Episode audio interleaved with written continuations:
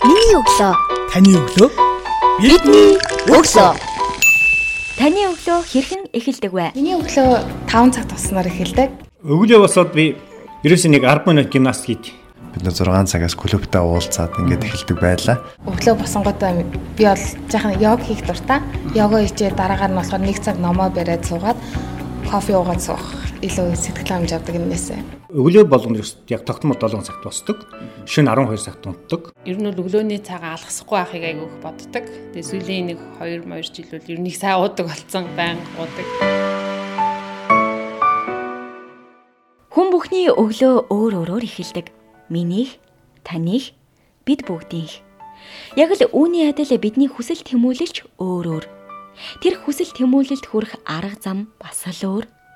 Гэхдээ амжилтанд хүрсэн алдартнуудын амьдралын зам тэмж дардан байгаагүй.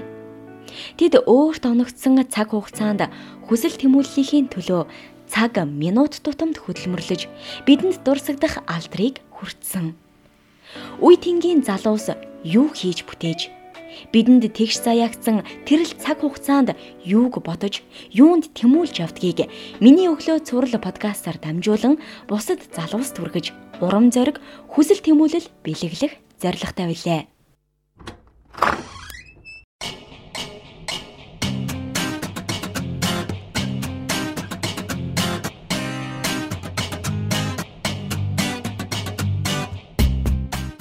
Сонсогч танд шинэ 7 хоногийн өглөөний мэндийг хүргэе. Миний өглөө цуврал подкаст 2020 оны анхны дугаараа та бүхэнд хүргэж байна. Энэ удаагийн дугаарын зочноор Монгол Улсын их сургуулийн профессор Ундрам оролцож байна. Танд энэ өглөөний мэндийг хүргэе. За юуны өмнө нийт сонсогчдоо шинэ оны мэндийг хүргэе. Тэгээ 2020 оны одоо анхны ажлын 7 хоног эхэлж байна. Ингээд бүх сонсогчдоо 2020 онд амжилт бүтээлийн дээдийг эрүүл их аж аргалтай байхыг чин сэтгэлээсээ хүсэн ерөөё. Таны өглөө хэрхэн яаж эхэлдэг вэ? За би ерөнхийдөө нэг 5 гэл босдیں۔ 5 гэж босоод нэг багсаа дасгал хөдөлгөөн хийдэг ч юм уу эсвэл хүүхдүүдийнхээ цайг бэлдэж тавьчаад жим явдаг. Жимд очиод жоохон дасгал хөдөлгөөн хийж агаад тэгэл ер нь ажилдаа ирэндээ ажилдаа ирээд имэйлээ шалгахаас миний өглөө эхэлнэ. Тухайн өдрийнхөө төлөвлөгөөнүүд юу байна? Өнөөдөр юу хийх ёстой байна?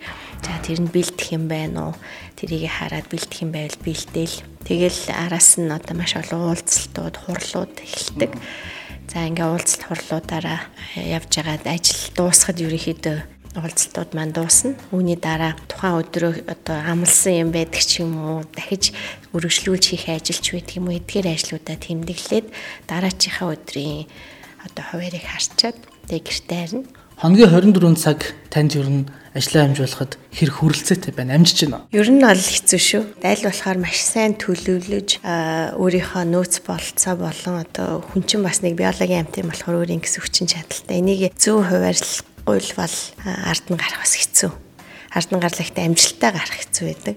Тийм учраас болж өгдөг бол тэ хоёр ширхэг өөрийгөө дахиад нэг ховлоод ингээд хамт ажиллаа хийдэг бол уулна айтайхан санагддаг тийм. Хамгийн түрүүнд өглөө босоод хийдэг хийдэг нэг дадал зуршил болсон үйлдэл хүмүүстэй юм билээ. Онх босоод цонхныхоо хөшийг нээгч байд юм эсвэл цэврөө суугч байд юм уу? Таны хувьд ямар дадал зуршил болсон үйлдэл танд байдаг вэ? За би ч өглөө босоод сүнэ шүү дээ. За их сайхан сүнэ. Их сайхан сүнэгаал тийм тэгэл цагаа харна Тийм тэгэл ерөөсөө шууд л бааны өрөөнд ороод нүрээ маагаал эхэлнэ шүү дээ. Зарим хүмүүс ч бүр сэрүүлгийн унтрааснаар миний өглөө эхэлдэг гэл ярьж идэв. Янз янзын төгөөмөл хариултууд бол ирдэг. Таас их сонин сонихаар гэдэг хариултыг баг хүн хэлж байгаагүй шүү. Сонио өглөө өгдөгтэй юм. Ажлынхаа төлөвлөлтийг юунд дэр хөтэлдэг вэ? Би ерөөсөө Google-ийн календар тэгээд энийгээ би нөхөртөөгөө хуваалцдаг. Нэгдүгээс нөгөө намайг хаана ямар ажилтаа байгааг бит хоёр би бинийгээ мэдчих боломжтой. Аа тэгээ нөгөөх нь бол өөрийнхөө одоо туслахтай хуваалцаад байждаг. Ерөнхийдөө таны ажилдаа хандах арга барилыг сонирхыг хүмүүс хоёр төрлийн байдлаар ажилдаа хандж байна. Төрлийн ажлыг зэрэг амжуулдаг. За урт хугацаанд нэг ажлыг маш чамбаа хийдэг. Тайл төрөлд магтах бай хоёр янз л та. Зарим ажлыг бол нэлээд нухацтай бодож судалж иж хийхгүй бол болдоггүй тийм ажлууд байдаг. Тэр ажлыг бол би бас жоохон хугацаа авдаг. Нэлээд бодно, за судална, юм харна. Тэгээд нэлээд одоо нөгөө өөрийгөө чөлөөлж агаад тэрийг хийдэг ч юм уу. Нэг тийм хэсэг байна. Нөгөө хэсэг нь бол маш хурдтай хийхгүй бол угаасаа болтгүй. Эсвэл өдөр тутмын гард орцсон ажлууд байдаг. Тэрийг бол маш хурд урдыг гэж явдаг. Бусдаас ялгарх таны ажлын онцлог юу бол? Нэгдүгээрт би нэлээд сайн төлөвлөхийг хичээдэг. Ерөнхийдөө нөө түр Google календар дээр төлөлтөө хийдэг ч гэсэн ерөнхийдөө ингээ 5 жил хаана хүрсэн байх вэ, яах вэ? Тэрнийхээ аль хэсгийг энэ жилдээ хийх үү, энэ сард ер нь юу хийх үү гэдэг өшөө бүр наривчлсан төлөвлөгөөнүүдийг бол жоохон цаг завтай үедээ ч юм уу орой үж хагас бүтэн сайн эсвэл онгоцоор нисэн явж байхдаа бичдэг. Тэгэхээр альхаар сайн төлөвлөхийг хичээдэг. Хоёрдугаарт нөгөө эрх мэдлийг бусдад шилжүүлэх тал дээр нэлээ сайн гэж боддог.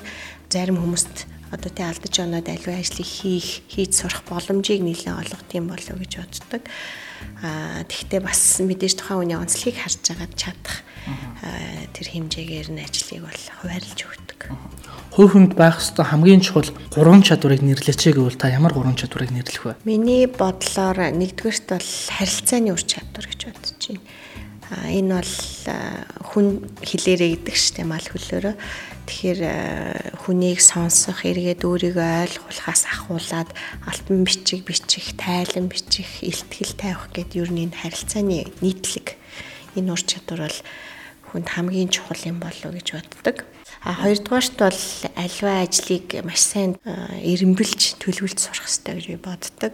Хүн одоо бүх хүссэн юм аа хийж чадахгүй цаг хугацаанаас ахуулаад нөөц болцоо бүх юм хязгаартай. Тэгэхээр хамгийн чухлын одоо ирэмбэлж байгаад хамгийн чухал нөөцүүдэд тэрэн дээр хуваарлж байгаад хийдэг ч юм уу тэгжээж ажил бол нэлээ зөв болоод хурдтай явна гэж боддог. А 3 дугаарт багаар ажиллах гэж.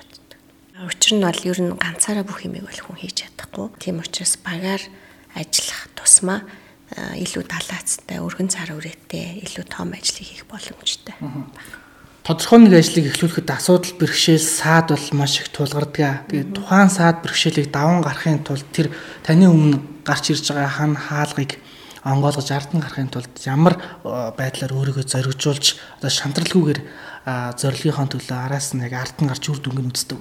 Мэдээж одоо их баг янз бүрийн л бэрхшээл тулгардаг. Тухайн ажлынхаа цар хүрээнээс болдог ч юм уу те хийж байгаа үүрэг хариуцлагаасаа болдог ч юм уу.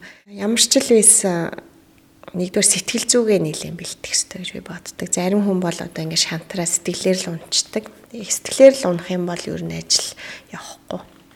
Хамгийн гол нь өөрийгөө бэлтгэх хэрэгтэй. Дотоод одоо тэр өөрийнхөө өөртөө итгэх за энийг даваад гарна гэсэн тийм бодолтой одоо тууштай байх ч гэдэг юм уу Тэгэхээр сэтгэл зүгээ бэлдэх а үнэхээр заримдаа бас ингээд хүн юм чинь сэтгэлийн амьтан штэ сэтгэлээр унах үе байна. Тэр үедээ яаж буцаж сэтгэл зүгээ дээш нь авчрах вэ гэдэг арга барилтай байх хэрэгтэй. Бясалгал хийдэг ч юм уу, найз нөхдөдтэйгээ ярилцдаг ч юм уу, нөхөртөөгөө их нэртэйгээ ярилцдаг ч юм уу, ээж аваасаа зөвлөгөө авдаг ч юм эсвэл ментортойгоо ярилцдаг ч юм ямар ч л байсан нэгдүгээр тал сэтгэл зүгээ бэлтгэх ёстой. Хоёрдугаарт ингэсний дараа бол яг тухайн бэрхшээлийг даавах стратеги боловсруулах ёстой. Яаж би энийг давж гарах вэ? Хинтээ уулзах уу, юу хийх үү гэдэг юм уу те. Тэгээд э, дайрах юм бол тэгээд ямар ч бэрхшээлийг ер нь бол ихэнх давж болно гэж бодож байна. Та өөрчлөлтөд хэр бэлэн байдаг вэ? Ер нь бол нөө миний мэрэгжлийн онцлог гэж байгаа л да. Би өөрөө менежментийн хүн. Тэгээ менежментийн нэг хэсэг нь өөрчлөлт байдаг. Яагаад гэвэл альва хүн болоод байгууллага ингээд амьдраад явж итэл эсвэл үйл ажиллагаагаа явуулаад байж итэл ингээд орчин нөхцөл байдал дандаа өөрчлөгддөг. Гадаад орчин. Бүр томоор харахад л одоо улс төрийн нөхцөл байдал өөрчлөгддөг ч юм уу, эдийн засгийн нөхцөл байдал өөрчлөгддөг ч юм уу, тий. Эсвэл байгаль экологи технологийн хөгжилч гэдэг юм уу хууль эрх зүйн орчин гэдэг бүх юм өөрчлөгдөж байдаг. Хажуу хавийн найз нөхөд хүртэл өөрчлөгддөг ч юм уу зарим нь өвддөг эсвэл баяр жаргал болдог тий. Зовлонгой нэг зарим нь одоо салаад оддаг ч юм уу. Тэгэхээр энэ бүгдэд тасан зохицох хэрэгтэй.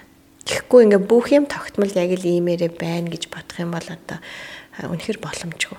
Тийм учраас одоо би бол өөрчлөлтөд үргэлж өөрийгөө бэлэн байх ёстой гэсэн сэтгэл зүйтэй явдаг тий.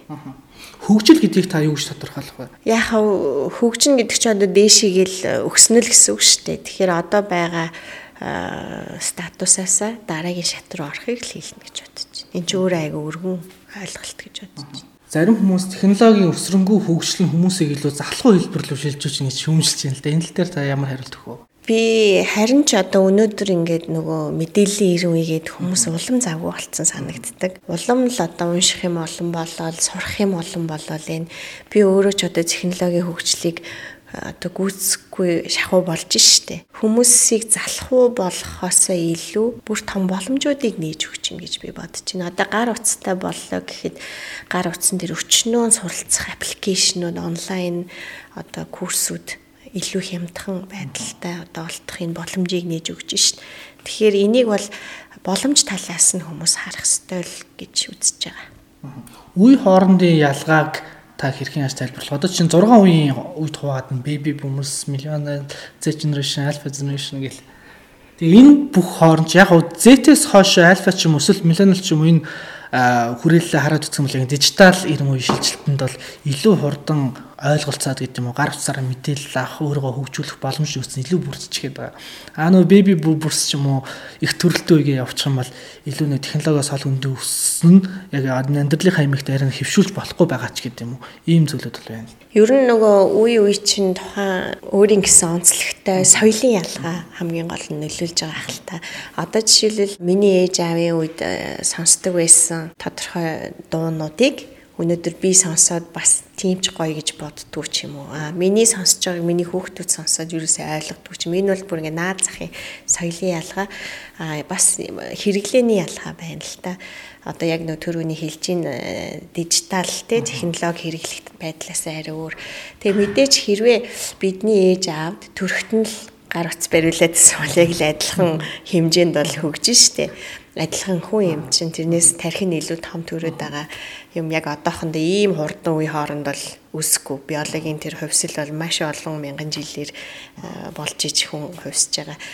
Тэгэхээр хэрвээ хүн өөрөө хүсээд тодорхой хэмжээний цаг зарцуулах юм бол одоо нэг тий энэ одоо сүүлийн үеийн generation нэс нэг их дутхгүй байх магадaltaй. Гэхдээ яг энэ хүүхдүүд бүр нөгөө тархины эсн шин соргог дээр мэдээ сурж байгаа. Суралцах хугацаа бол арай өөр байж магадгүй.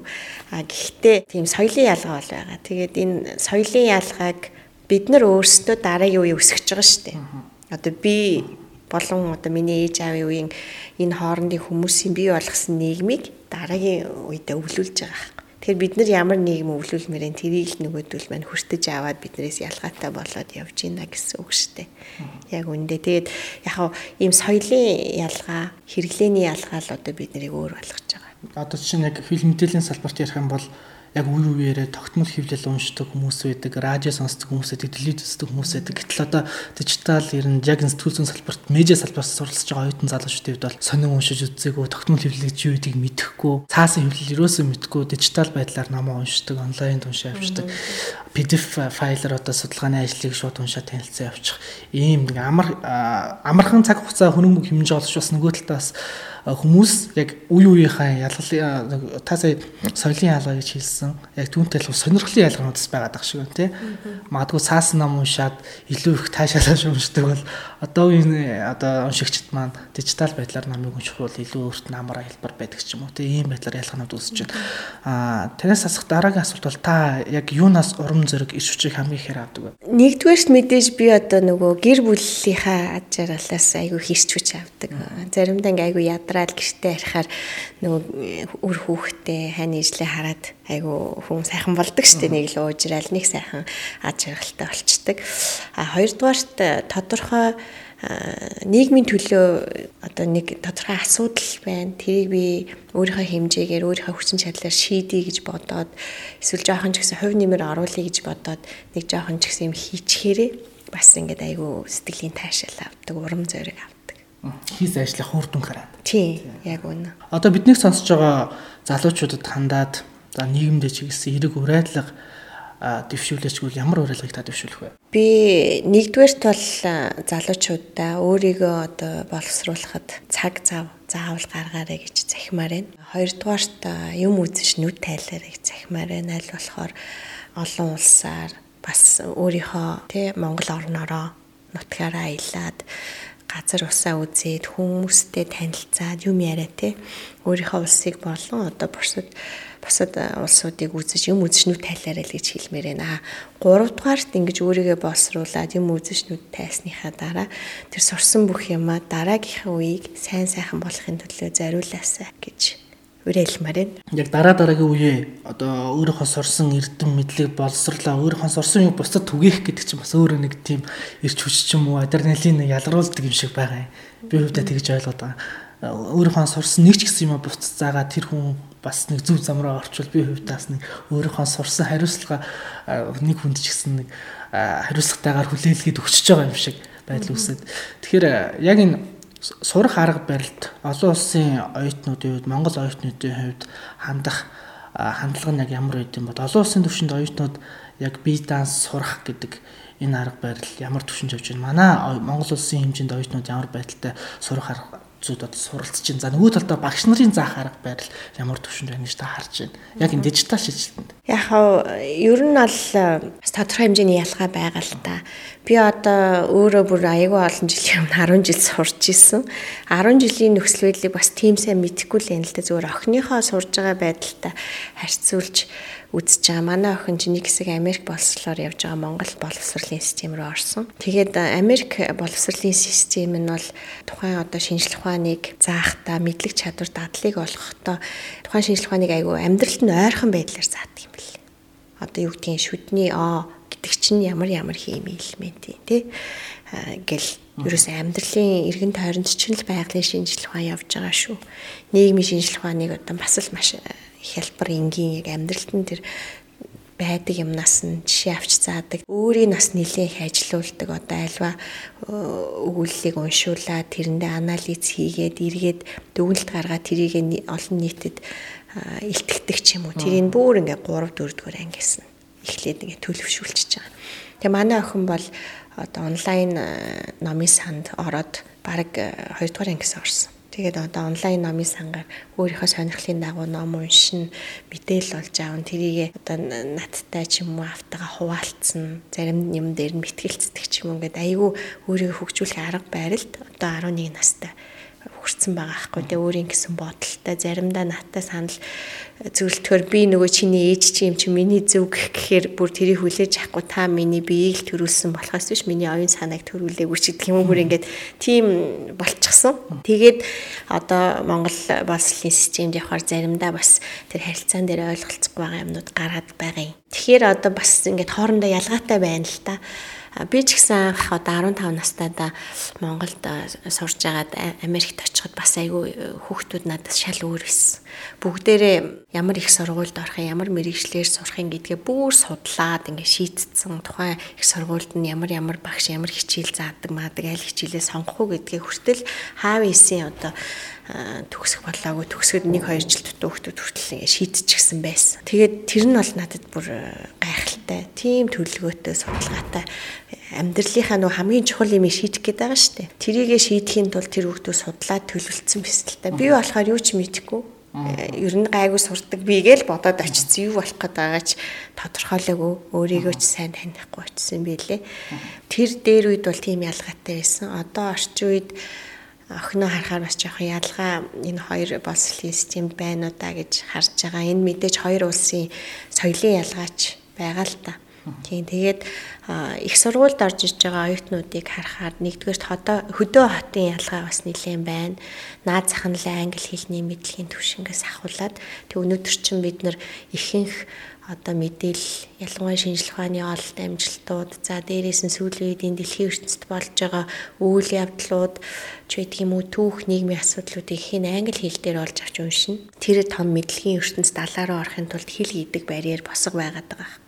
Тэрийг бол нөгөө хөдөө орон нутгийн хүмүүс арай бас давхад хүндрэлтэй болчихсон шал өөр орж ирж байна. За зарим багш нарын ярьж байгаагаар бас тооны ч юм уу хин физикийн ялгаанууд аймаг аймагаараа бас өөр байна гэж ярьж байна л та. Гэвтэл бид нар уулын дараагийнхаа үед ийм ижил гарааг өгөх хэрэгтэй. Бүгдээр яг тэгш ийм гараанаас явах хэрэгтэй цаашаа. Ерөнхийдөө бүр яг бүгдээрээ онц сурдаг юм а гэхэд ийм босго гараанд тэгш байх хэрэгтэй байхгүй. Тэгээ тэрэн дээрээсээ цаашаа өрсөлдөөд ажил амьдрал дээр явах хэрэгтэй. Тэгэхээр энэ дээр одоо манай бодлого боловсруулагчдаас ахуулаад тухайн сургуулийг удирж байгаа хүмүүс хүртэл бүгд л ер нь багш нар ч гэсэн анхаарах хэрэгтэй. Яг тийм сэтгэлээр бодож анхаарах хэрэгтэй гэж би бодож байна. А тэгээд энэ их сургуульд орж ирээд мэрэгчлээ яаж яхад бол арай бас энэ ч өөр төвшний дээд боловсрол шүү дээ. Тэ энэ дээрээ бол мэдээж багш бол байх хэвээр ерхий боловсролын мэдлэг дээрээс нь цааш нь үргэлжлүүлээ зааж байгаа. А энийг мэдээж бүх хүүхдэд нь 30 хүүхд суулгаж гал энд нь арай сайн заана гэж байхгүй л тэ бүгдэнд нь адилхан заагаал ингээ явдаг. Даанч нөгөө суурин жоохон өөр бэлтгэгдсэн орж ирэхээрээ их сургуульд орж ирээд амжилтаа сурах нь хүндрэлтэй болчиход байдаг юм байлээ л дээ. Шинэ он дөнгөж эхэлж байна. Шинэ он эхлээд дөнгөж ажлын эхний шинэ 7 хоног эхэлж байгаа. Тэгэхээр энэ хугацаанд бас өнөөдрийн подкастын зочноор төлөвлөгөөнд маш их анхаардаг зочин орсонд их олзуурхаад яг одоос биднийг сонсоод оныхоо төлөвлөлтийг хийгээд явж байгаа залуучууд ахын бол бас сэтэл санаа өгөх болоо гэж бодож байна. Та юу н 20 онд хичнээн ажил төлөвлөсөн байгаа. Ямар ямар том ажлуудыг амжуулахад төлөвлөж байна. За ямар ч хэлсэн би бизнесийн амжилт хүнээс гээд одоо Японы Panasonic корпорацийг үүсгэн байгуулсан Matsushita Konosuke гэж хүн байдаг. Энэ хүний номыг аль биес нэрхтэйгээр орчуулсан байсан. Тэр маань ингээд өнгөрсөн жил борлуулагтаа дууссан. Ингээ оюутнууд дэлгүүр манай мөсийн дэлгүүрээс ирж нэхэд асуугаад байна гэсэн. Тэгэхээр трийгээ дахин хэвлэлтэнд оруулах гэд бэлдэж байна. Тэгээ энийг бол нэгдүгээр үйлрэлтэ гаргана гэж бодож байна. Саяхан бас нэг э, математикийн багштайгаа хамтраад элтийн ерөнхий шалгалтад э, бэлдэх математикийн гарын авлага боловсруулсан байгаа. Энэ номныхаа нээлтийг хийгээд бас сургалтууд ялангуяа хөдөө орон нутгаар зохион байгуулъя гэж бодож байна. За тэгээд бас хөдөө орон нутгаар англи хэлний сургалт явуулах боломжуудыг бас эрэлхийлье гэж бодож байгаа. За тэгээ хажуугаар нь бас нэг телевизийн одоо нэвтрүүлэгт бас нэг тодорхой хэмжээний нийгмийн асуудлуудыг ээж хүний хувьд, багш хүний хувьд одоо тий бас ингэж сөхөж ярьдаг нэг тийм нэвтрүүлэг хийх боломж гарах нь үгүй юу тэрийг бас одоо судлаад ингээ явж гин одоогийн байдлаар нэг иймэрхүү. Та ер нь нэг жилдээ хичнээн ажил амжуулдаг бай. Өө зөндөө. Тэрийг одоо бүр тий. Чи одоо жижиглээд яриул бүр одоо мянга ч хүрэх бах тий. Том том багцлаад яриул одоо 100 мууч болт юм уу. Ер нь маш их ажил амжуулдаг тий. Оны төгсгөлд яг 12 сарын 31-нд ингээ хийсэн ажлаа хараад За алийг амжуулсан байна, алийг амжуулаагүй ингээд дүгнэлт хийхэд юу ямар хэдэн хувьтай байдаг вэ? Үр дүнгийн тайлан өөртөө гаргахад. Тийм за нэг энэ сая 19 онд бол нэг 90 хувьтай л байлаа.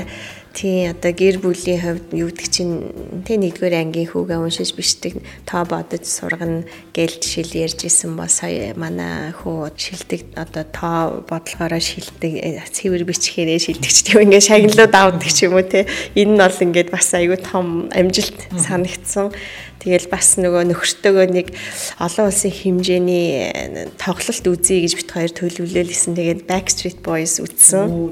Тий өөрийнхөө үеийнхний тий одоо тэгэл гих мэтчлэн гэр бүлийн болон тий одоо яг энэ ажил дээрх олон нийт рүү чиглэсэн гээд нэлийн ажлуудаа бид нэр яг 31-ний орой суугаад дүгнсэн. Дүгнээд ярьсан. Тэгээд ерөнхийдөө болоос нэг 90 50 тал явж гэлээ тий.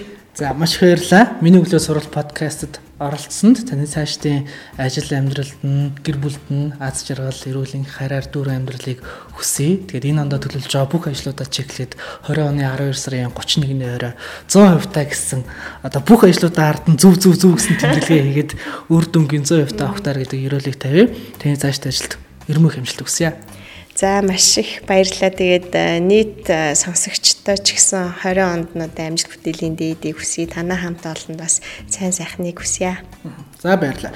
Эрхэм сонсогчдоо миний өглөө сурал подкастын 2020 оны эхний дугаарын зочноор Монгол Улсын их сургуулийн профессор Чимбатын ундрам оролцлоо. Ирэх 7 хоногийн даваа гарагийн өглөөний 7 цагаас иргэн уулзъя.